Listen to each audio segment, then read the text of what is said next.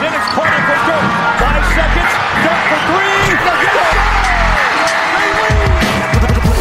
Zaj, nincs egyszer a végén, ha battog a spalding. Minden nap élmény, blokkok és zsákok. Na gyere megmutatom, ez NBA szerelem Keleten, nyugaton, robban a zaj Nincs egyszer a végén, ha battog a spalding. Minden nap élmény, blokkok és zsákok. Na gyere megmutatom, ez NBA szerelem Keleten, nyugaton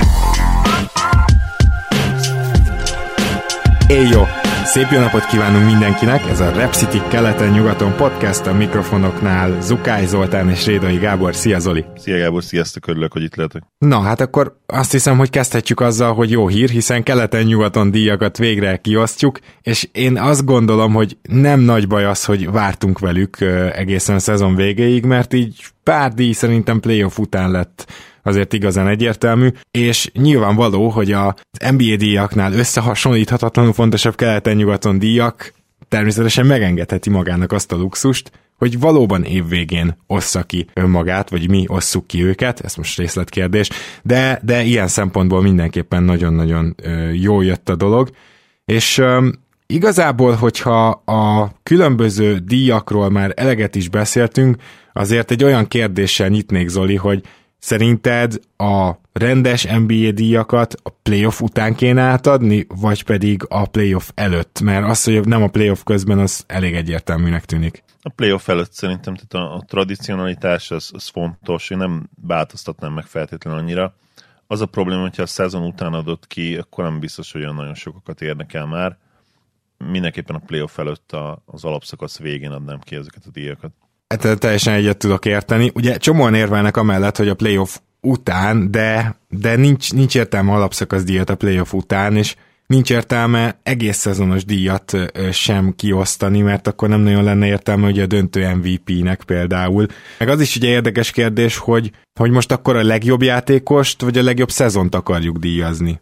Igen, esetleg még egy harmadik megoldás, hogyha még inkább eltolod, és az új szezon előtt egy-két héttel rendezed meg mondjuk egy gála keretében. A probléma ezzel meg az, hogy hát akkor training camp van, és nem mindenki tud, ugye, sőt, hát a legjobb játékosokat nem biztos, hogy örülnének az edzők, ha elveszítenék a training camp idejére, akkor történik meg ugye az olajozás utolsó fázisa. Úgyhogy ez az sem megoldás. Esetleg még egy verzió lehet, hogy az aranylabdához hasonlóan egy külön gála a, valamikor a karácsonyi szünet idején, de hát akkor még a családjukkal vannak a játékosok, tehát sehogy se jó, ez szerintem valószínűleg a tradicionális díjátadó kellene, hogy maradjon, tehát alapszakasz után, de nem közvetlenül a playoff idejében, hanem, hanem előrébb hozni egy kicsit. Na, akkor a következő kérdésem az lesz, hogy mit tudsz, vagy mit tudtál az Indiana Pacers új egyzőjéről? azt tűnt fel, hogy ez nem egy, nem egy fekete név, úgyhogy már balhét vizionáltam.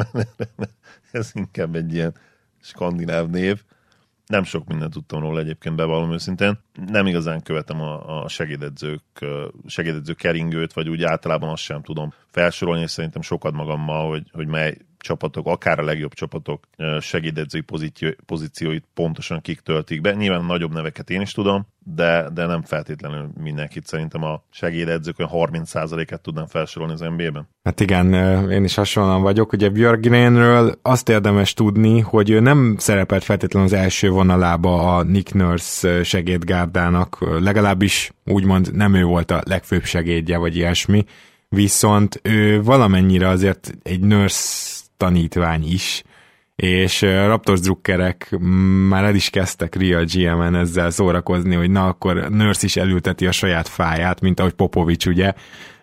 Van benne valami. Én azért leszek nagyon kíváncsi rá, mert Raptors drukkerként sem tudom, hogy esetleg ő neki mi a, a kifejezett erőssége, gyengesége, mi az, amiben úgy általánosan beleszólt. Az biztos, hogy a játékosok jobba voltak vele, és valamit nagyon tudhatott, mert ugye volt két-három már-már finish befutó, és őket előzte például Finch, és őket előzte meg ugye Björgren, úgyhogy, úgyhogy ezt érdemes lesz megnézni. Na de ugye van egy másik hírunk is, az pedig az, hogy Stan Van Gundy, akit meg nagyon is jól ismerünk, a New Orleans Pelicans egyzője lesz. Van gundy fiatal csapat élére, az nekem kicsit furcsa, de ha belegondolsz, ugye, hogy Orlandóba is egy relatíve fiatal csapatot tudott ö, mégpedig hát hogy is mondjam, vízióval, tehát olyan, olyan játékrendszerrel, ami akkor még azért nem volt jellemző döntőbe juttatni, akkor az egy pozitív példa. Én a Vangandi tesókat nagyon-nagyon csípem, úgyhogy valószínűleg pozitívan elfogult vagyok velük szemben. Azt én sem tudom, hogy mennyire lesz ő jó fit egy fiatal gárda mellé, de ragyogó edzőnek tartom egyébként, úgyhogy ebből a szempontból szerintem nagyon szuper lesz. Hogyha Fangandi szuper lesz, akkor ugye nyilvánvaló, hogy a New Orleans is elvileg jó lesz, de Drew Holiday plegykák azok teljesen ö, a, a csillagos égen vannak mindenfelé, tehát azt hiszem, hogy tíz csapat érdeklődik, volt most egy ilyen hír, Igen, majd meglátjuk. Meglát hogy hogy alakul egyáltalán ugye ez a bizonyos uh, nyár, és kíváncsi vagyok, hogy Fanganinak végül majd milyen csapattal kell dolgoznia, mert van egy olyan érzésem, hogy már nem nagyon lesznek ott veteránok. Igen, ez most nem egy annyira őrült tip. JJ visszatérése érdekes, ugye nagyon kíváncsi leszek, hogy megtartják-e. Az igazság, hogy, hogy Vangani szerintem egy nagyon sok rétű, sok oldalú edző, aki, aki lehet, hogy nem kapja meg a nekijáró kreditet azért, hogy lehet, hogy már ő indította el egyébként ezt a, ezt a hármas érát. Ugye erről több cikk is született, a, főleg retrospektíve, nem, nem feltétlenül akkor, és, és egyébként, amit ő csinált, hogy ez a, ez a four out line hogy mindenki tudott triplázni a, a low post játékoson kívül, az akár itt is működhet, de én szeretném, hogyha, hogyha Zion-t elvinni egy kicsit abba az irányba, hogy, hogy labdakezelőként, pick and roll játékosként is megnézzük, hogy mit tud. Lehet, hogy ez egy nagyon-nagyon fájdalmas transition lesz, és nem lesz feltétlenül a, a leglátványosabb sem. Nagyon sok labdaeladás, és nem biztos, nem biztos, hogy sok győzelemhez vezet majd, de ez kellene, hogy legyen a cél tehát a, a Detroitos GMS munkáját azt nem kellene lemásolni azzal, hogy most akkor középszerű, úgymond jó veteránokat, de nem elég jó veteránokat idehoznak. Én nagyon-nagyon remélem, hogy, hogy inkább tényleg építkeznek, bár ez lehet, hogy csak remény, mert ezzel kapcsolatban nem biztos, hogy Stan Fangani neve jut egyébként eszünkbe. Hát nekem semmi esetre sem, igen. Jó, akkor viszont menjünk a keleten-nyugaton díjakra. Még szerintem lesz bőven alkalmunk arra, hogy egyzőkeringőről beszéljünk, hiszen a Houstonnál például még nem tudjuk, hogy ki lesz. Bár azt mondják, hogy Jeff Van Gundy és John Lucas a két nagy jelölt. Fú, egyébként itt vannak bajok. Na mindegy, szóval nézzük meg a keleten-nyugaton díjakat, és akkor Zoli kérlek, hogy olvast fel az első keleten-nyugaton díjat. Első díjunk neve a Stanley Kupa, a.k.a. Stanley Johnson, ezt nézd meg, pont nem láttad, várjál meg ismétlen, várjál, várjál, menni fog. Hogy is csináltam az előbb? Serleg, ami a legnagyobb sophomore slump, hát kétes díja is egyben. Ami ezt a díjat illeti, nem emlékszem, hogy te kire tippeltél, de én Grayson ellenre, és hát nem volt annyira szartip, de aztán Grayson főleg a szezon végén a Bubble-ben nekem bizonyította, hogy, hogy semmiképpen ne írjam le. Úgyhogy Úgyhogy nálam a győztes az három emberből került ki, vagy bocsánat, kettő emberből került ki, és egyik hihetetlenebb, mint a másik. Az egyik ugye Kevin Knox, akinél az a döbbenetes, hogy az ember már tavaly is rossz volt, tehát a rookie szezonjában is nagyon rossz volt.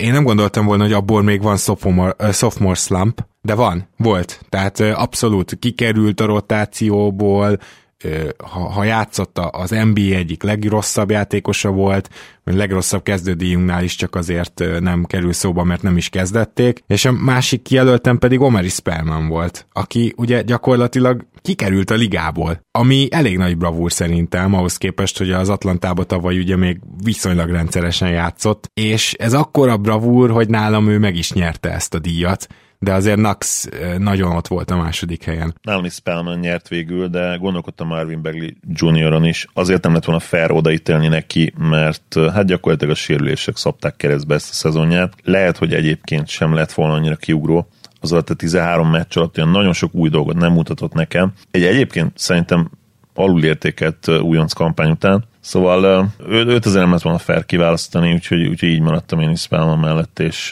hát az, azt gondolom, hogy ez egy elég egyértelmű kiválasztás volt sajnos. Igen, aztán ki tudja, hogy még visszatére, hát ugye azt is mondták Spellmanról, vagy, vagy olyan hírek is érkeztek, hogy ö, nehéz csapattárs, nehéz ember, és ugye a nehézt azt többféleképpen is kell sajnos érteni, elnézést nem akarok feltétlenül a kövér emberek kárán ö, ö, viccelődni, meg ö, szerintem sokan szeretnénk csak annyira kövérek lenni, mint Spellman, de lényeg a lényeg, hogy állítólag nagyon komoly súly problémái vannak karrierje eleje óta, és nyilván ha ránéz az ember ezt akkor is látja, és, és ez is megakadályozta őt abban, hogy hogy, hogy NBA játékos lehessen. Reméljük még visszatér, ugye, ha más nem, akkor előtte lehet a példa aki nem más, mint, most nem jut eszembe 2013-nak az első helyen kiválasztott játékosának a neve, ami már sokat elárul, segített Zoli?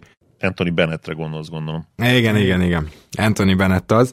Na szóval ő lehet a jó példa a Spellman előtt, mert ugye Anthony Bennett mostanság már úgy néz ki, mint akinek a testgyír százalékát mérni sem lehet. Úgyhogy, úgyhogy hát, ha ez össze. Menjünk akkor tovább. Következő díjunk a Trust the Process. Most még csak szoruláson van, de várjál, amíg az erőködést a Super Saiyan-nél változok kupa. Olyan első vagy másodéves, aki még nem igazán jó, de már látod, hogy irgalmatlan jó lesz. Na most, ami jó hír, hogy több jelölt is volt, és ami még, nekem még jobb hír, hogy akire én tippeltem szezon előtt, én annak is adom a díjat, és ez pedig Kemred is. Ugyanakkor meg kell jegyezni, hogy bizonyos okokból nem tudtam ide rakni másik négy játékos, de felmerült. Az egyik Michael Porter Jr., aki már mutatott olyat, a főleg még playoffba is, de a bubble mindenképpen, ami miatt a még nem jó, az, az egy kicsit már erősnek tűnik, de ő azért szerintem erre a díjra végül is esélyes lehet. Wendell Carter, akit meg a sérülések miatt még nem jó,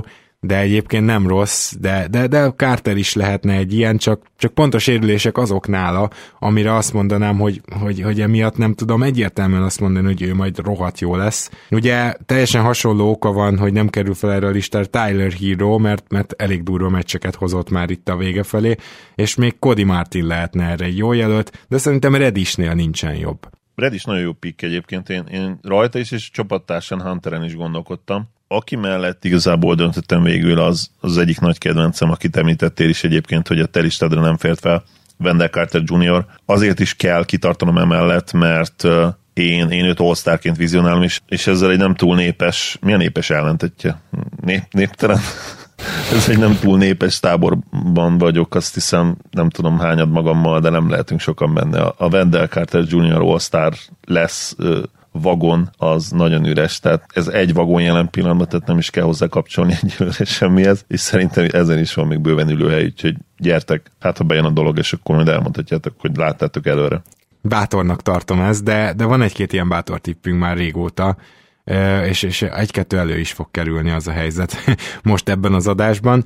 Na de, akkor tovább mehetnénk, aki a következő díj az pedig a Marvin Williams spagettit fogok enni, anélkül, hogy lezabálnám a ruhám díj.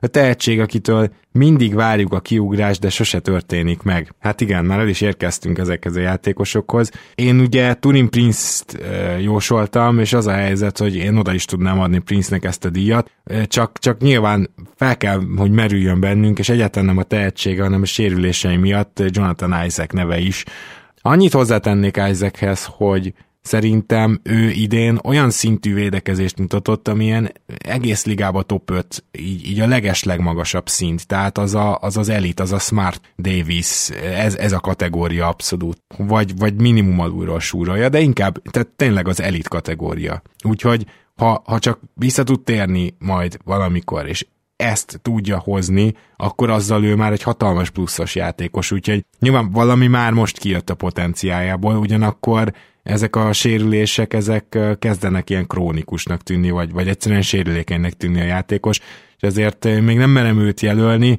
én most Turin Prince-re szavazok, de, de Isaacről sajnos ilyen értelemben is beszélnünk kell. Érdekes, hogy mondod Prince-t, mert valahogy én már őt olyan névnek tekintem, aki, aki már nincs is úgy mondott a radaromon, és ez azt jelenti, hogy szinte teljesen leírtam, pedig nem olyan öreg még ő, fiatal prospekt mércével mérve sem, azt hiszem 25 talán. Úgy körül, úgy körül. 25 körül lehet, és, és még lehet belőle, ha nem is akármi, mert nyilván azt már azért látnánk ezen a ponton, de de legalábbis produktív NBA játékos. Az én választottam az, lehet, hogy unfair kicsit, CSMI, lehet, hogy nem fair a dolog, de, de Markel Fultz, mert most már nagyjából az egészsége is megvolt viszonylag helyek közel, és, és egyszerűen nem láttam azt, hogy, hogy neki az agya igazán meg lenne az NBA-hez ahhoz, hogy olyan típusú és olyan kvalitású játékos legyen, mint, amit, mint amire predestinálva volt, és amit vizionáltunk neki. E, egyszerűen most tényleg szokásosnál is jobban záporoznak tőlem az angol eredetű szavak elnézést kérek emiatt. Szóval ne, egyszerűen nem látom benne azt, hogy be tudná teljesíteni azt a potenciált, ami ő benne ott volt, és, és az a legnagyobb problémám, hogy nem elsősorban, vagy nem csak és kizárólag fizikai problémák miatt, hanem, hanem készség és mentális képességek terén sincs ott szerintem. Ami nagyon szomorú, mert, mert egyébként az egyik leglátványosabb és általam legjobban várt egyetemi prospekt volt az elmúlt évekből. Uh-huh, egyébként ez nem rossz tipp, hogy úgymond róla is lemondjunk, de tulajdonképpen ez volt az első éve, szóval én egyszerűen csak azért nem vettem őt még figyelembe ennél a díjnál, mert uh, úgy relatíven nálam még tudnék várni egy-két évet ezzel, de, de azért nagy valószínűséggel sajnos igazad van. Következő díjunk az az Isaiah Thomas szuronnyal az AK-47-es ellen vándorkupa. A legrosszabb védő, aki legalább 30 percet játszik. Hát itt emlékszem, hogy mind a ketten Sexton tippeltük, és uh, igazából nagyon nagy versenyben volt, de én, én nekem muszáj volt Youngnak adnom. Tehát uh, Young egyszerűen, Trey Young mindenben utolsó helyen végzett a mi defensive metrics. Itt Sexton egyébként a uh, DPIM, DP IPM-ben második lett hátulról, de RPM-ben például feljebb volt egy picit, tehát Sexton nagyon is versenyben volt, de végül ismét Young lett a legrosszabb védő az NBA-ben, szerintem igazából nem nagyon van ebben kérdés. A statok alapján valóban nehéz lenne ezzel vitatkozni, viszont Sexton is annyira borzasztóan pocsék volt, és annyival kisebb szerep hárul rá támadásban, hogy én mégis őt mondtam, azért is, mert egyrészt legyen, jöjjön be a tippünk, másrészt mondom ez, ami, amit elmondtam, hogy Young azért, azért elit támadó játékos már most, és ezt nem lehet elvitatni. Egyszerűen nincs annyi energiája sem már a védekezésre. Sextonnak nincs mentsége azon kívül, hogy, hogy kevés van a fejében, és, és lusta. Tehát uh-huh.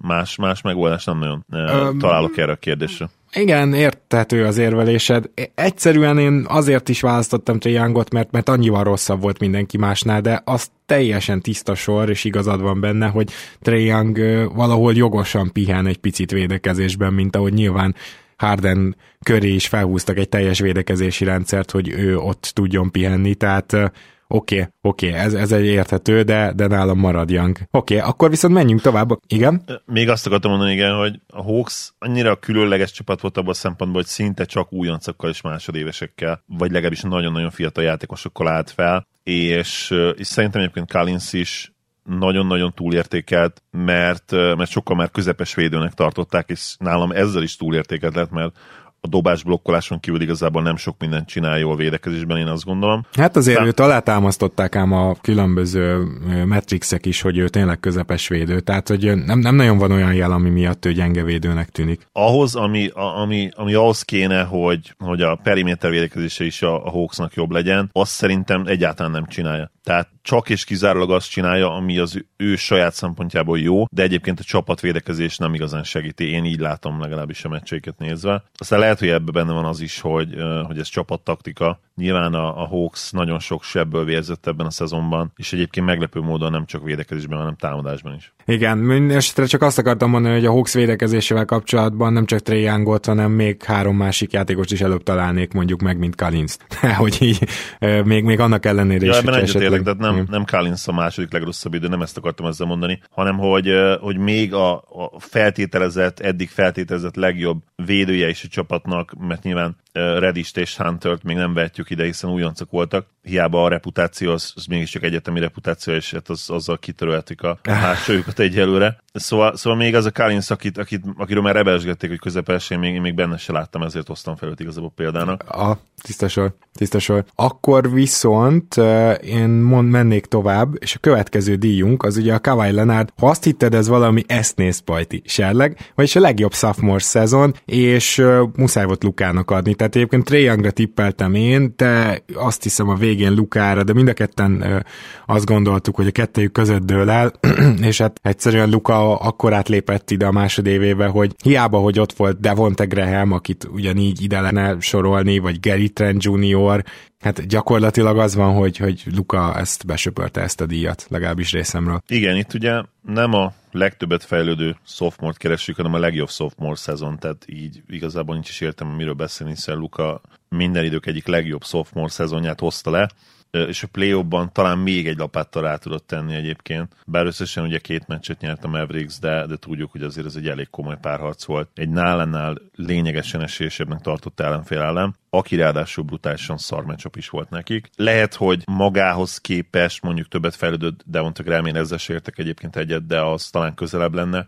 De így, hogy a legjobb sophomore szezont keresünk, nem volt kérdés, hogy Luka az a megfelelő választás. Nagyon kíváncsi hogy jövőre mekkorát tud még ugrani, mert szerintem megint fog fejlődni. Nyilván azért most már innen egyre nehezebb lesz nagyobb, nagyobbakat ugrálni. Igen, vagy hogyha nem, akkor, akkor egészen más akkor beszélgetés. Akkor baj van, igen.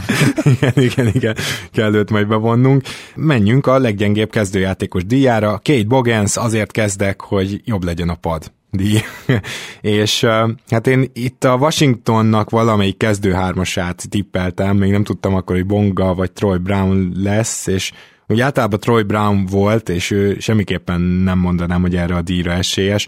Igazából két, nekem két esélyesem volt, az egyik a 38 meccsen kezdőként pályára lépő Terence Ferguson az OKC-ből, aki egyszerűen nem csinált semmit, de azt is rosszul. Tehát ugye a 38 meccs alapból nem mindig lenne elég, de idén elég volt ahhoz, hogy a kritériumnak megfeleljen. Na most Terence Fergusonnál is volt azonban egy rosszabb kezdőjátékos, aki rendszeresen 30 perceket játszott, ez pedig Darius Garland, és nem szívesen adom Rukinak ezt a díjat, de Garland annyira rossz volt, és az összes mutatóban annyira rossz játékos, tehát nyugodtan nézzétek meg az összetett advanstatokat, egyszerűen mindenhol a mezőny legvégén van, és védekezésben és támadásban is neg messze negatív impactel, úgyhogy én szerintem a kezdőjátékosok közül egyértelműen Garlandnak kell adnom ezt a díjat. Nekem eszembe jutott több játékos is a, a Wizardsból, egyik ugye Jan Mahimi, a régi kedves ismerősünk, akit én imádtam, mint, mint cserejátékos kiegészítő ember a, a Dallasban. Még a döntőben is, a 2011-es döntőben is egész jó perceket adott. Volt például kettő darab gyönyörű kosara a mindent eldöntő hatodik mérkőzésen. Hát ő idén 30 plusz meccsen kezdett a, a Wizardsban, és csapattársa az az Isaiah Thomas volt, aki szintén 30 plusz, 30 plusz percet játszott, mivel főleg ugye Thomas esetében arról beszélünk, hogy ő egy korábbi sztár, ezért hát gondolkodtam azon, hogy őt fogom kiválasztani. Felmerült egyébként még bennem Cody Zeller, illetve hát az ő csapattárs ugye felvetve kezdtek sokszor Biz McBeonba, akit szintén imádtam korábban még a Raptors idők alatt, de, de az az igazság, hogy, hogy Darius Garlandnál tényleg nincsen jobb megoldás jelen pillanatban, úgyhogy én is mellette tettem le a voksomat végül. Igen, tehát nem, nem nagyon lehetett gyakorlatilag másra, hát sajnáljuk Darius, és hát most mivel lehetne biztatni a srácot, gyakorlatilag ez egy Moody féle karrierpályának néz ki eddig, reméljük, hogy ő majd a másodévben egy picit ezen tud javítani, mert, mert kéne. Jó, Will Borton, ha megbecsültek volna, talán még együtt lennénk baseball sapka. A játékos, aki csapatot vált, és rájön az egész világ, hogy amúgy jó. Hála a jó égnek, egy csomó jelöltünk volt. Tényleg alig bírtam válogatni, és ez tök jó. De, de igazából akikre még szezon előtt tippeltem, tehát ott három nevet is emli, emlegettem, Satoranskit, Javon Cartert és Malcolm Brogdont. Na, ők nem nagyon kerültek szóba. Tehát Malcolm Brogdon biztos, hogy nagyon sajnálja a csapat, hogy elengedte odáig stimmel, de azért nem hozott olyan fantasztikus évet. Nem volt rossz, csak nem, nem is az volt, hogy ilyen hatalmas szintet lépett. Ami kicsit meglepő is, köszönhető azért nagyban annak, hogy a tripla az nem igazán sült ebben az évben neki. Satoranski, meg Javon Carter meg érthető okokból nem kerül ide, viszont akik nagyon érdekesek, az egyik az Markif Morris, aki még szezon közben is ugye váltott csapatot, és Markif a Bubble-ben teljes meglepetésre bebizonyította, hogy még mindig használható, és azért azt hozzá kell tenni, hogy őt tényleg valószínűleg bántották a sérülések, tehát őt korábban jobb játékosnak tartotta egyhangulag mindenki, mint Markuszt, és most már ez talán nincs így, de ettől függetlenül azt legalább bebizonyította, hogy van még... Hogy... Jobb védő, az teljesen egyértelmű szerintem Markiv. Markiv, mint Markus? Abszolút abszolút jobb védő. Hát ez attól függ mondjuk, hogy a periméteren vagy a palánk alatt. Tehát a periméteren szerintem azért még Márkusza jobb, ha hát kisebb lehet, ember nem kell tudom, fogni. Ott a LeBron elleni azóta is rögök azon, tehát hogy ugye LeBron ő fogta legjobban, aztán utána bebizonyították mindenféle statta, hogy persze ez messze nem így volt. Ne, nem tudom, nekem lehet, hogy egyébként csak az idei szezon mondatja velem, mert idén ő egy védekezésben abszolút visszaesett, fekete lyuk volt a, a Clippersben. Sőt, Én egyébként már a New York Nyilván a Knicksnél is, igen, és ott valószínűleg ott, ott fordulhatott meg ez a fejében, mert idén szerintem ő nem sok védekezést játszott. Tehát Markif nyilvánvalóan sokkal jobb volt, oké, okay, egy olyan rendszerben, ami valószínűleg ezt meg is könnyítette neki, de, de jelen pillanatban Markifot jobb védőnek tartom, amíg, amíg Markus nem dönt úgy, hogy megint elkezd védekezni, Ha. ami lehet, hogy jövőre lesz. Igen, hát, nagyon reméli valószínűleg az egész Clippers, hogy az jövőre lesz. Na mindegy, a másik, akit szerintem felmerül itt, és még nem a nyertest mondom, az Christian Wood természetesen, aki ugye tavaly még például Milwaukee-ban és New Orleansban is megfordult, és mondanom sem kell, hogy mennyire örülnének ennek a Christian Woodnak bármelyik csapat, még a Bucks is akár, tehát az, hogy mondjuk Robin Lopez vagy Christian Wood, az számomra nem nagy kérdés hogy, hogy melyikük lenne jobb cserecenter, de ugye Detroitban idén kivirágzott. Viszont aki az egyért, még ennek ellenére is egyértelmű nyertes, és én nagyon uh, kíváncsi vagyok, hogy Zoli, te találtál-e bárki mást, aki, aki ilyen szinten kiemelkedik, az TJ Warren, akit ugye a Suns gyakorlatilag szarérhúgyér leadotta az Indiana Pacersnek. Szerintem ennél nagyobb uh, esélyes erre a díjra még nem volt, mint Warren, mert uh, egy fantasztikus szezont hozott ahhoz képest, amit a, a Sunsban eddig produkált. Ott is mutatta már a fejlődés jeleit, de hogy egyértelműen két kategóriával jobb védő lett Indiánában, miközben kiderült, hogy a triplája abszolút helyén van, és bár nem dob rá sokat, egyszerűen nem ilyen típusú játékos, inkább ugye ezt mondtuk korábban, ez a Kawai típusú játékos ő, de ettől függetlenül jól dobja a triplát is, hogyha olyan meccse van, akkor megállíthatatlan ezekből a középtávoliakból, szóval én azt gondolom, hogy Warren hát simán bezsebelte ezt a díjat a végére. Borán legalább akkor a no-brainer, mint Luka volt a, a saját kategóriájában, úgyhogy maximálisan egyetértek. Aki nekem még eszembe jutott, az Malik Beasley, akit nyilván sokat láttam játszani a Nuggetsnél, és picit már elfeledték őt, úgymond a csere előtt, a csere után, mintha egyértelműen kivirágzott volna, és persze nálam is Christian Woods ott volt a top 3-ban, aki oké, okay, ugye tudjuk, contract year, nagyon-nagyon óvatosan kell neki majd pénzt adni ezen a nyáron. Jó, de neki eddig de... is minden év contract year volt, ha belegondolsz, tíz napos szerződés, meg igen. nem tudom, tehát igen.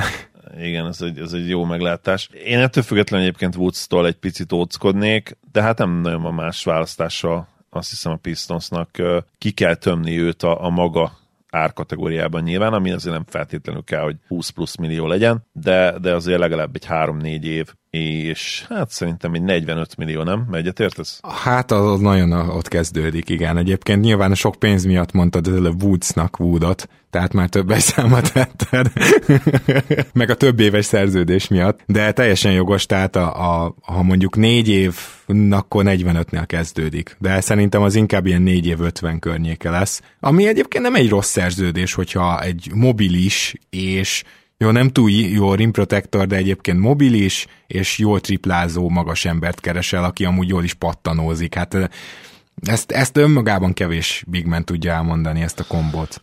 Igen, Sevens Woods miatt uh, szoktam mindig uh, Christian Woodot Woodsnak hívni, mert nagyon-nagyon sokáig figyelemmel kísértem ugye a, a szerintem szenzációs névvel rendelkező fiatal Sevens Woodsot, aki kosá, középiskolás sztár volt, de, tényleg megasztárra gondoljatok. Mindenki azt gondolt, hogy ő lesz a következő nagy duranás, és hát ehhez képest egyetemen eddig sajnos egy, egy ilyen abszolút kutyaütő futottak még. Játékos ilyen azt két-három pontokat átlagol, úgyhogy uh, sajnos benne maradt a fejembe, de hát hamarosan kell tenni ezzel ellen valamit, mert őt már nem nagyon fogjuk emlegetni ebben az adásban, attól félek. Igen, igen, elég gyanús.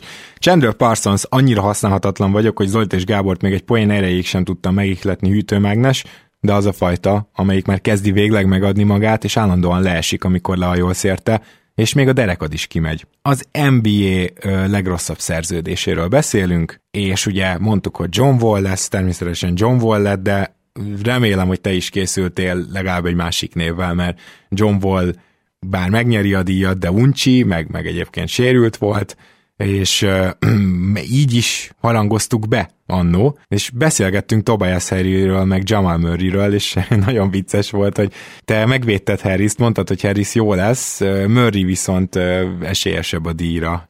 És hát igazából ez fordítva sült el, tehát szerintem itt Tobias Harris az egyik, akinek a szerződését most meg kell említenünk, és nem is az, hogy ő egy vállalhatatlanul rossz játékos ekkora szerződéssel, hanem maga a helyzet, ahogy bebetonozta az ő szerződése a Filit, és az egy teljesen elcserélhetetlen történet az az öt év. Úgyhogy, úgyhogy én harris mindenképpen elővenném, és a másik, hogy hát bizony Russell Westbrook is szerintem egy kicsit e felé tart, nem tudom, egyetértesz hogy az egyik legrosszabb szerződés legyen a ligában. Igen, hogyha a CP3 revidiálta magát kicsit, vagy a véleményünket legalábbis, vagy arra kényszerített minket, hogy revidiáljuk a véleményünket, akkor Russell barátunk pont az ellenkező irányba tart, és nyilván Wiggins neve is felmerül mindig, még mindig egy ilyen, egy ilyen kérdésnél, igen, csak talán Wigginsnek az a szerződés az még mindig bántóan nagy, de talán már nem olyan félmetesen Most, nagy. Ahogy, ahogy ketyegnek az évek, igen, egyre, egyre vállalhatóbb nyilván. Persze, ahogy mondtad, a John Wall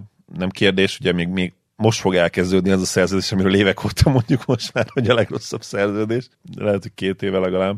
És, és valóban szerencsére hozzáteszem, Jamal Murray egészen elképesztő rájátszást hozott le, mert egyébként az alapszakasz az nem volt annyira nagy duranás, de a, a bubble-ben és a play egészen hihetetlen ugrással lépett szintet, tehát ez nem is egy ilyen, ez nem ilyen mászás volt, hanem ő felemelkedett, mint Superman, úgy rugaszkodott el. Én nagyon remélem, hogy ez folytatódni fog, és igen, Tobias Harris ott kell, hogy legyen a, a, a jelenlegi legrosszabb szerződések között. Természetesen én sem tagadhatom ezt a tényt, de én megmondom őszintén, hogy, hogy csapattársát El Horfordot választottam, aki számomra még nála is nagyobb csalódás volt, és bár rövidebb a szerződés, és az utolsó év ugye nem garantált, ez összességében talán jobbá teszi ezt a szerződést, mint amilyen egyébként. Igen, itt el is mondtad azt, hogy nálam miért nem került fel Horford Az, az a csalódás, ami, ami nekem Horford teljesítménye volt, teljesen vastap játékosnak tűnt, tűnt a szezon nagyon nagy részében. Egyébként egy olyan, olyan, olyan játékos egyébként, aki nagyon-nagyon intelligens, aki fizikailag mindig toppon van. Őt nem láttad még 10% felett is testzsír százalékkal. Egyszerűen nem értem, hogy hogyan nem tudott ezzel az intelligenciával beilleszkedni egy rendszerbe, illetve valahol értjük persze, mert ugye tudjuk, hogy neki ezen a ponton center a legjobb posztja, és, és hát ugye nem tudtak egyszerűen olyan line felrakni, ahol működött volna ő is, és, és Embiid is együtt. Nem tudom, hogy egyébként Doc ezt hogyan tudja majd megváltoztatni, pedig valahogy meg kell, mert, mert ha a Sixers ki akar mászni abban a gödörben, ahová idén bekerültek, ahhoz egyértelműen az kell, hogy Horford egy, egy nagyon jó használható, szűk rotációs játékos legyen legalább. Én azt Igen. Gondolom. Igen, hát én nagyon kíváncsi Nyilván leszek Harrisre erre. is igaz ez, bocsánat, tehát Harrisre is abszolút igaz ugyanez, mert valószínűleg egyiküket sem tudják most elcserélni. Bár a CP3 vonal egyébként az érdekes lehet, mert szerintem az OKC haraphat arra, hogy Tobias harris aki még mindig fiatal, viszonylag fiatal, 27-28 körül van, Gáló pótlására esetleg benyelnek még egy pikket, lehet, hogy abban reménykednek, hogy ugye még egy pick, náluk Harris nyom egy nagyon durva breakout szezont, 20 plusz pont, mint a Clippersben, megint 43-44 százalékkal triplázik, és aztán érte is kapnak majd egy rövidebb szerződést, és egy, megint egy first land picket. Simán el tudom azt képzelni, hogy Priestley úgy gondolkodik, hogyha Harris nyom egy nagyon jó szezont, úgy játszik, mint mondjuk a Clippersben, 20 plusz pont, 43-44 százalékos triplázás, ami tudjuk, hogy benne van, mert két éven keresztül megcsinált a zsinórban. Lehet, hogy érte is kap egy rövidebb szerződést és egy, és egy első köröset. Tehát minden onnantól kezd el nyilván játszani, ha elcserélik CP Frit. Ha úgy döntenek, hogy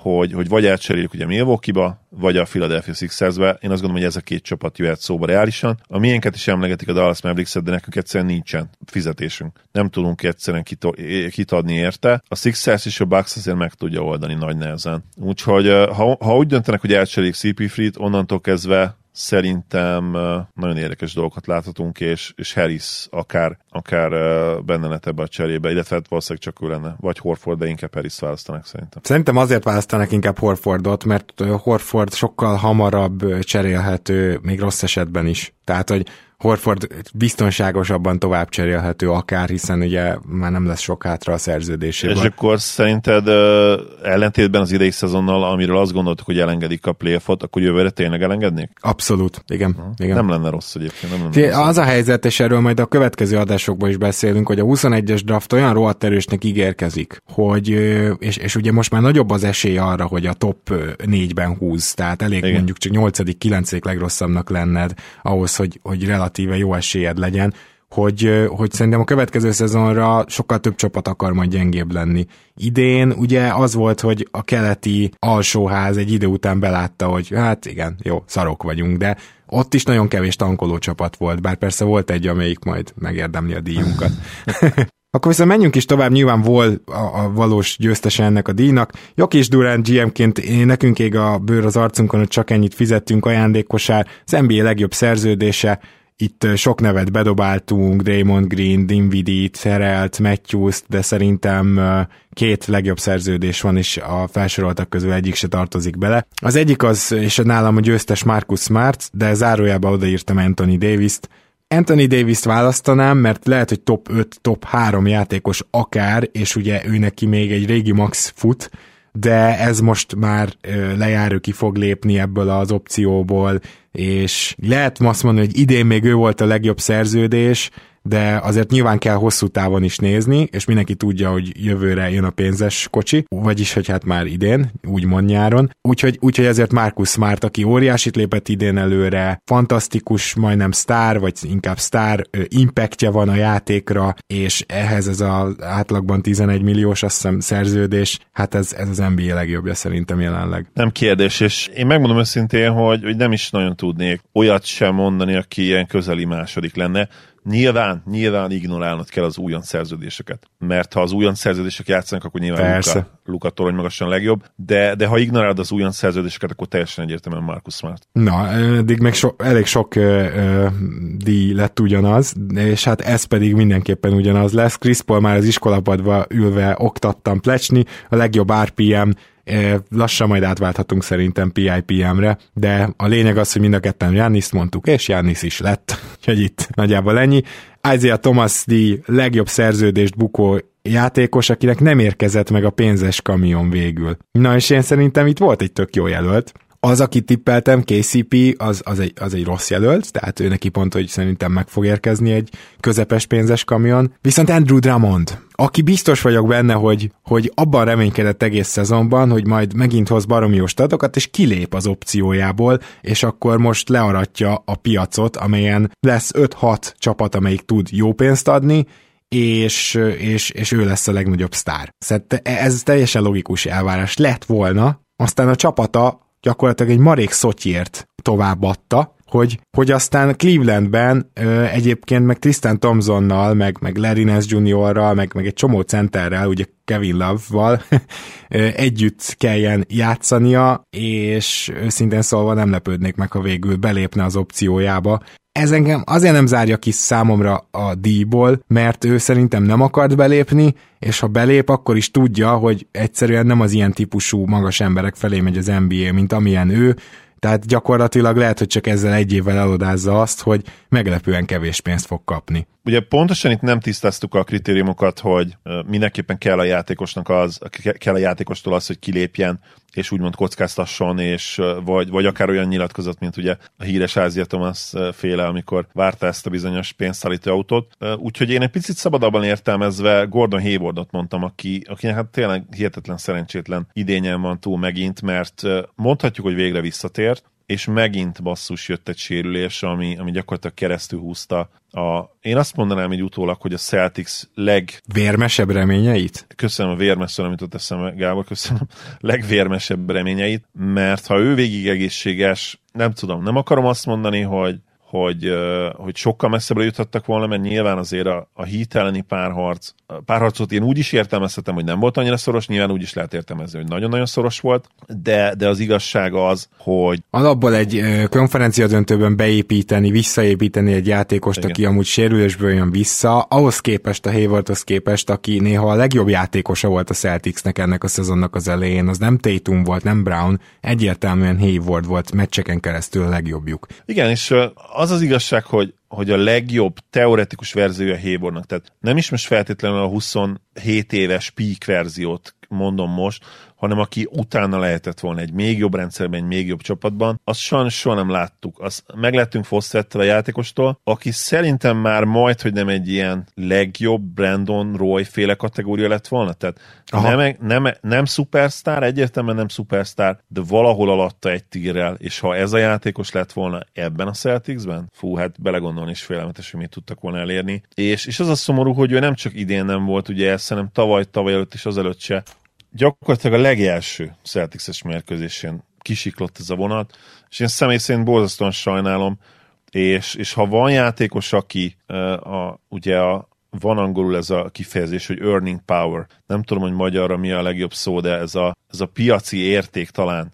Mm. Se, senkinél nem zuhant ez annyit, mint, mint szerencsétlen Gorna Haywardnál, akit nem kell sajnálni egyébként, mert van egy gyönyörű felesége, egy gyönyörű gyereke, negyedik talán már 30 éves, rengeteg pénzt keresett a pályafutás alatt, de basszus sport szempontból azért neki ez az elmúlt három, három és fél négy év, ez, ez borzasztóra sikeredett, és, és még mindig annyira fiatal, de, de annyira csapzott is mentálisan, lelkileg, hogy nem tudom, hogy ő bármikor el tudja hinni a jövőben, hogy az ő teste nem fogja őt cserben hagyni, és tényleg annyira bátran, olyan, olyan gyilkos mentalitással tud-e küzdeni, mint előtte. Azt hiszem, hogy a válasz sajnos az, hogy nem. Uh-huh, uh-huh. Igen, igen, hát azért reménykedjünk a legjobbakba, de akkor te neki adnád most ezt a díjat. Igen, mert szerintem az ő ugye ez az earning power ami a legnagyobbat zuhanta a maximumához képest. Mm. Tehát ő reálisan egy maxos játékos lehetett volna most 30 éves korában. Amint, hogy így nézzük, akkor Whiteside is jó esélyes erre a díjra, mert szerintem ez volt az utolsó nagy szerződése, ami most lejár. Az biztos, az Igen. biztos. Tehát, hogy jó, uh, Derrick Rose Phoenix díj, avagy lemondtunk már rég róla, de feltámadt a semmiből. Nagyon kedves a szívemnek, hogy itt tényleg több játékos van. Akire én tippeltem, az nagyon vicces volt, az Jeff Green, akire azt mondtam, hogy hasznos lesz a jazznél.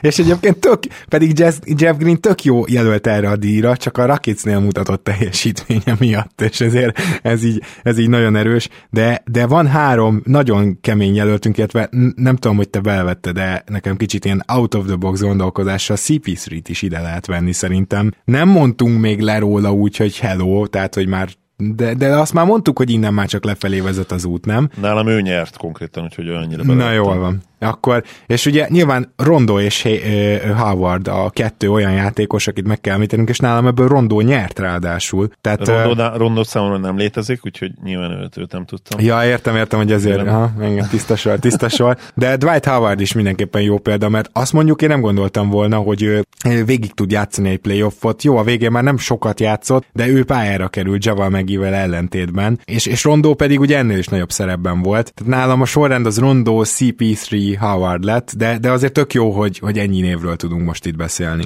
CPF azért jó szerintem, mert igen, nyilván nem írtuk le teljesen, tehát nem gondoltuk azt, hogy ő Ázia Thomas szintjére jut, de, de nem gondoltuk azt, hogy megközelíti az All-Star szintet. Ehhez képest nem csak, hogy tükör simán All-Star lett, de, de megint újra visszatért az elitbe az advenstatok terén is, ami egészen hihetetlen. És én ezt tényleg nem vártam tőle, így 35 évesen. Dwight Howard, igen, szenzációs, volt uh, ahhoz képest, ugye, hogy, hogy őt is már szerintem évekkel ezelőtt leírtuk, én legalábbis biztos, hogy leírtam. Ugye hát problémák egy ilyen típusú játékosnál, mint ő, de, de lefogyott, tényleg le a kalappal előtte, soha nem volt ilyen alacsony a testzsír százaléka, már-már egy ilyen kiállított, nem is tudom, ilyen, ilyen bőr nélküli, tudjátok, vannak ezek a testmúzeumok, arra emlékeztetett a Manus a, a póló nélküli képein, egészen hihetetlen formában van, tehát rajta egy milli, mikrogramnyi te, fölös testzsír sincs jelen pillanatban. Nyilvánvalóan ez is segítette őt abban, hogy, hogy, hogy tudjon aktív lenni, és, és a magához képest, a, a korához képest még mindig egészen gyors és, és jól mozog lábon, mert nem kell akkor a tereket cipelnie. Úgyhogy, úgyhogy le a kalappa. Rondó pedig playoff rondó nem lepett meg, hogy, hogy zseniális meccseket lehozott. Az, az igazság, hogy, hogy róla, bár ő maga utálja egyébként ezt, hogy playoff rondónak hívják, mert szerinte ugye egyébként mindig jó, de kurvára nem jó ha megnézitek a playoff statisztikái és az alap statisztikai közötti különbséget, főleg így párharcokra lebontva és nagy meccsekre lebontva, akkor azért egyértelműen látszik, hogy, hogy ő más szinten, más mentális szinten van a playoffban, sokkal-sokkal jobban koncentrál, és ez most is kijött. Van két díjunk, ami nem opcionális, az egyik az ugye a Rashid Wallace elment tech otthonról, legtöbb technikai begyűjtő játékos, mindenketten Draymond Green-t mondtuk, de Draymond csak harmadik lett, mert Marcus Morris és Westbrook mindenketten 16 technikait értek el, illetve a Rolly Massimino That Escalated Quickly emlékérem. Rolliról azt kell tudni, hogy kinevezték a Netsz egyzőjének, de a sajtótájékoztatón már nem jelent meg. A leghamarabb kiúrgott egyző David Fitzdale lett. Úgyhogy igazából egyikünk se találta el, ezt azért hozzá kell tennem. Fizdélt. És Fizdélt se kell sajnálni, hogyha Haywardnál említettem, googlizzátok meg Fizdél feleségét, Instagram accountját. Igen, én ezt egyszer már megtettem. Viszont a Gandhi díj, a legönfeláldozóbb veterán, aki nem balhézik, hogy nem kerül pályára, én szerintem Jared Dudley az. Tehát ő azért nem biztos, hogy úgy igazolt a Lakersbe, hogy ő már egyáltalán nem fog pályára lépni mondjuk egy playoffban, sőt, én, én még valahol vártam is, hogy ő egyszer csak előkerül, de valószínűleg csak akkor került volna elő, hogyha a Lakers is bajba kerül, és ez nem történt meg.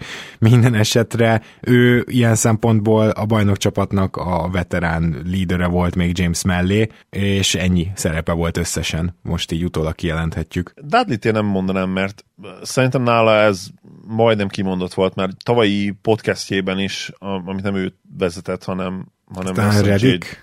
lehet, hogy a Redik például podcastben volt, igen, hogy ő, ő már nagyon szépen tudta, az tisztában volt azzal, hogy az ő jelenlegi státusz, a jelenlegi szerepe az mit kíván meg, és az egyértelműen ez a, ez a veterán jelenlét. Azt hiszem, igen, amikor uh, kiderült, ugye, hogy, hogy megy a lékezbe, akkor volt erről szó, és, és már ott is nem biztos, hogy kimondta szó szerint, de egyértelmű volt a hangvételből, hogy ő nem számít sok játékidőre. Aki nem viszont szerintem nem így volt, az, az a Dion Waiters csapattársa, aki, aki hát úgy nézett ki, sőt, ha mondjuk megkérdeztetek volna lékezszúkolókat, akár még nem tudom, három-négy hónap alapja, és lehet, hogy sokan azt mondták hogy a play majd inkább ő fog játszani, és nem pedig a kiváló Caruso. Aztán ugye volt sérült is Véters, de, de játszott is a play pályára lépett, tehát hogy annyira nem lehetett sérült, és, és mégis kiszorult gyakorlatilag. Úgyhogy szerintem ez, szerintem erre a díjra ő, ő tökéletes választás e, emiatt. Hm? Csapatdíjaink, hát ez sokkal gyorsabb lesz. Ugye Bermuda háromszög díjunkat, legkevesebb assziszt a Portland Trailblazers nyerte, ők már korábban is nyerték ezt a díjunkat, de most nem számítottunk rá, hogy visszatérnek ide, mind a a New Yorkot mondtuk, de, de a Portland nyert. És a Blazers féloldalas vagy, mint egy kamionsofőr barnulása a támadás és védekezés közötti legnagyobb különbség helyezésben. Hát ezt a Portland szintén megnyerte, de ez legalább róluk van elnevezve. ez brutális, gyerekek. Tehát ilyen ekkora különbsége szerintem még nem nyert csapat a, a podcastünk történelmében. Harmadik lett végül a Portland a, a támadásban, köszönhetően az utolsó nyolc meccsnek, és 27. védekezésben. Nice, nice. E- ezt azért nehéz überelni. Igen. A Hawks tippeltük, ha jól emlékszem. Meg de, Golden State. Meg Golden, Golden State-et. State Igen a Hawks, ugye Golden State-et hagyjuk, ugye kuka lett a szezon, a Hawksnál viszont támadásban is hihetetlen nagy problémák voltak. De azt hiszem, ők támadásban is a Boron Five-ba voltak a leg, legalsó ötbe, vagy de legalábbis a Igen, igen, igen, igen, tehát náluk támadásban is túl nagy volt a probléma. Minden esetre, ha idén tippelünk, szerintem megint a Hawks-ot fogom mondani.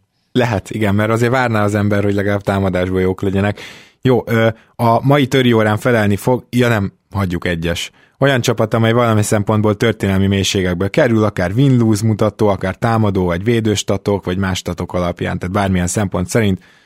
Én a washingtoni védekezést mondtam, te a clevelandi védekezést mondtad, és nekem lett igazam, már bocsánat, hogy ezt így nyilván szubjektív, de a washingtoni védekezés lett a legrosszabb, egyébként mind a kettő történelmileg legrosszabb védekezés lett, úgyhogy igazából, ha pontoznánk, neked is járna valamennyi pont, de, de a Washington alulmúlta a Clevelandet. Igen, és tényleg alul tudták múlni, és uh, itt is azért én érvelnék amellett, hogy a Washington viszont egészen kiváló támadó csapat lett idénre. Ugye sokáig vezették is a ligát offenzív ratingban, aztán a végén azt hiszem lecsúsztak eléggé. A tízből is kicsúsztak a végén, igen, is igen. kicsúsztak a végére, de ugye a Clevelandhez képest még így is egész jók lettek. De persze, a történelmi mélység, igen, igen, az, az, az adott. Tips szelleme kísért, a csapat, ahol az egyző kedvencei, veterán játékosok indokolatlanul sokat játszanak, akár más, fiatalabb játékosok kárára, és a csapat hosszú távú céljaival szembe menve. New York Knicks, nem? Hát, hogy így, főleg Fitzdale alatt nyilván, de, de, de az, hogy például Dotson alig játszott, hogy Trier kikerült a, a csapattól is, tehát, hogy itt, uh, itt olyan dolgok történtek a fiatalok kárára. Nax is tudom, hogy szar, de játszhatott volna, de nem, mert valamiért Dolan ugye elhatározta, hogy ők majd playoff csapat lesznek. Nem, nem tudom nem a Nix-t mondani. Igen, Nix, nem kérdés még, még azt hiányolt az ember, egy normál szezon lett volna, szerintem az is jött volna, hogy pár veterán waiver igazolás, még egy, egy irányítót, egy cserélirányítót, azokat, azokat imádták a Knicksnél évekig, ugye. Több olyan játékos is voltak, akik már 36 után lettek kezdők, ugye Calderon, Jason Kidd oh, korábban, oh, igen. vagy említhetnénk a argentin balkezes srácot is, aki Prigioni. Köszönöm, Prigioni nem ugrott be neve. Szóval ők imádják az ilyen típusú játékosokat egyébként. Igen. Na jó, tényleg nincs mit mondani, ez a Nix. Viszont itt egy érdekesebb téma. Timberwolves jó lesz, jó lesz, jó lesz, nem lett jó plaket. A legnagyobb pofára esés az elvárásokhoz képest. Ugye itt nem is az a lényeg, hogy mit tippeltünk, nem szerinted kinél volt a legnagyobb pofára esés, mert ugye lehetne érvelni szerintem a Golden State mellett, csak közben... Clippers. Igen, csak közben, csak közben úgymond az elvárások a Golden State-nél abban a pillanatban lementek, hogy Curry lesérült, viszont, viszont a Philadelphia és a Clippers, ugye, az, az szép nagy pofáresés volt. Én, mivel korábban estek ki, azért a Filire tettem végül a voksom. Igen, hogyha valamennyire nyilván nem fair, hogyha a playoffot is beleszámoljuk, mert nyilván ott lehet a legmagasabbról esni. És a Clippers azért az alapszakaszban, annak ellenére, hogy lelassálták a felét, nem volt rossz, és, és azért csak oda kerültek a második körbe, és ott 3-1-re vezettek. Ha onnan nézzük, akkor nyilván a legnagyobb pofáresés, mert ráadásul az utolsó három mérkőzés mindegyikén ugye 10 plusz ponttal vezettek, az egyiken 22-vel, a másikon azt hiszem 19-el is. Tök egyértelmű hatalmas csók, de, de a Sixers viszont az alapszakaszban is már alul teljesítő volt, tehát lehet, hogy inkább én is azért őket mondanám. Uh-huh. Ja, király. Emlékszel a 67-68-as 29 győzelmes Bullsra? Lejárt kupon Award, olyan PO-ba jutó csapat, amelyre nem számítottál, csak is az OKC-t lehet itt mondani, gondolom. Igen.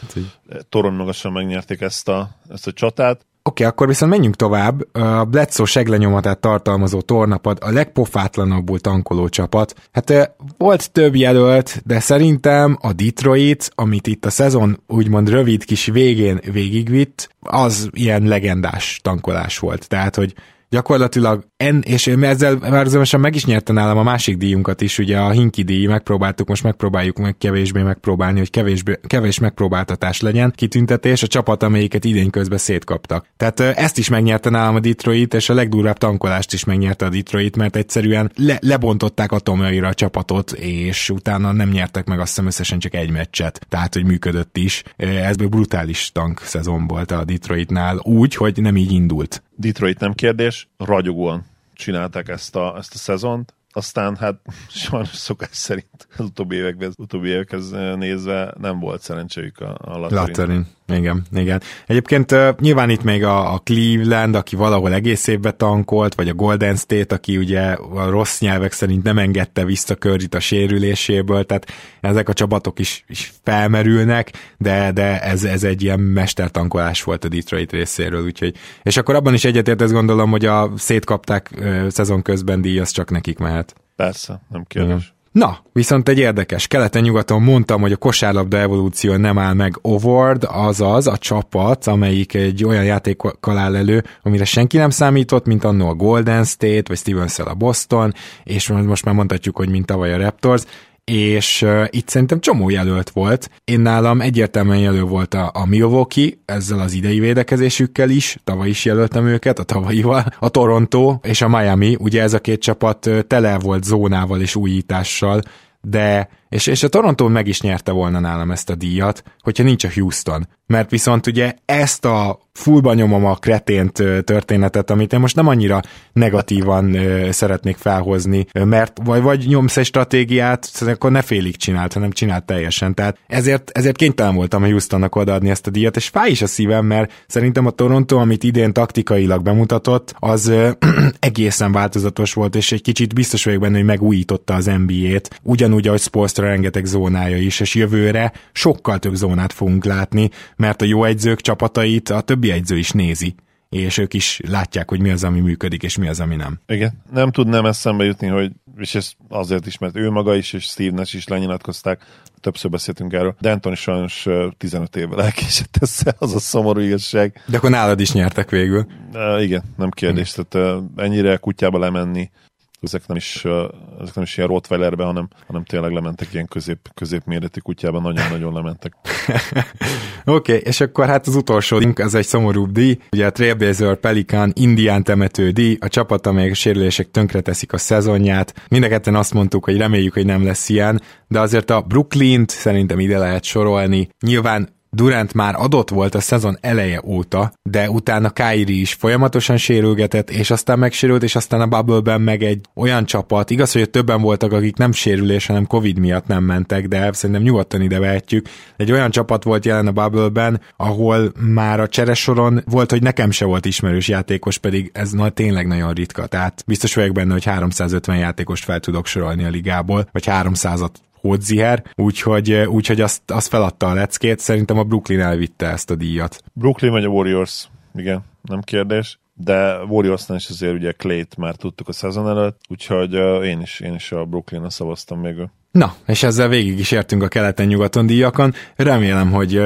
ti is élveztétek, és mindenképpen, hogyha van bármelyikhez hozzászólás, akkor nagyon szívesen fogadjuk akár SoundCloudon, akár Facebookon is, és lehet, hogy valakit kihagytunk bizonyos díjaknál, úgyhogy tessék írni nekünk, mert nagyon szívesen vitatkoznék erről bárkivel, vagy, vagy, vagy inkább egyetértenék, hogyha tényleg ilyen homlokra csapos a történet. Úgyhogy hajrá, és Zoli, köszönöm szépen, hogy itt voltál ma. Örülök, hogy itt lettem. Szia Gábor, sziasztok! Kedves hallgatók, köszönjük szépen a figyelmet, és hamarosan jövünk a csapatok off-season nígyeivel, persze most nem egyenként, azt majd csak akkor, hogyha már igazoltak, de, de ilyesmi adásokra is számíthattok, és most szeretném felhívni mindenkinek a figyelmét, hogy egy másfél-két hét múlva csinálunk majd postaládát, úgyhogy a Patreonba el lehet kezdeni küldeni a kérdéseket. Ezerrel nyugodtan a kedvenc játékosról, kedvenc csapat jövőjéről, vagy hogy milyen lesz szerintünk nekik a nyártát. Most szerintem nagyon sok téma van, de akár még a mögöttünk hagyott szezonról, vagy a buborékról is jöhetnek a kérdések, és bármiről, amiről csak gondoljátok. És köszönjük szépen, hogy ennyien támogattok minket. Szóval, szóval várjuk a kérdéseket, és hamarosan Patreon postaláda. Addig is minden jót kívánok nektek. Sziasztok!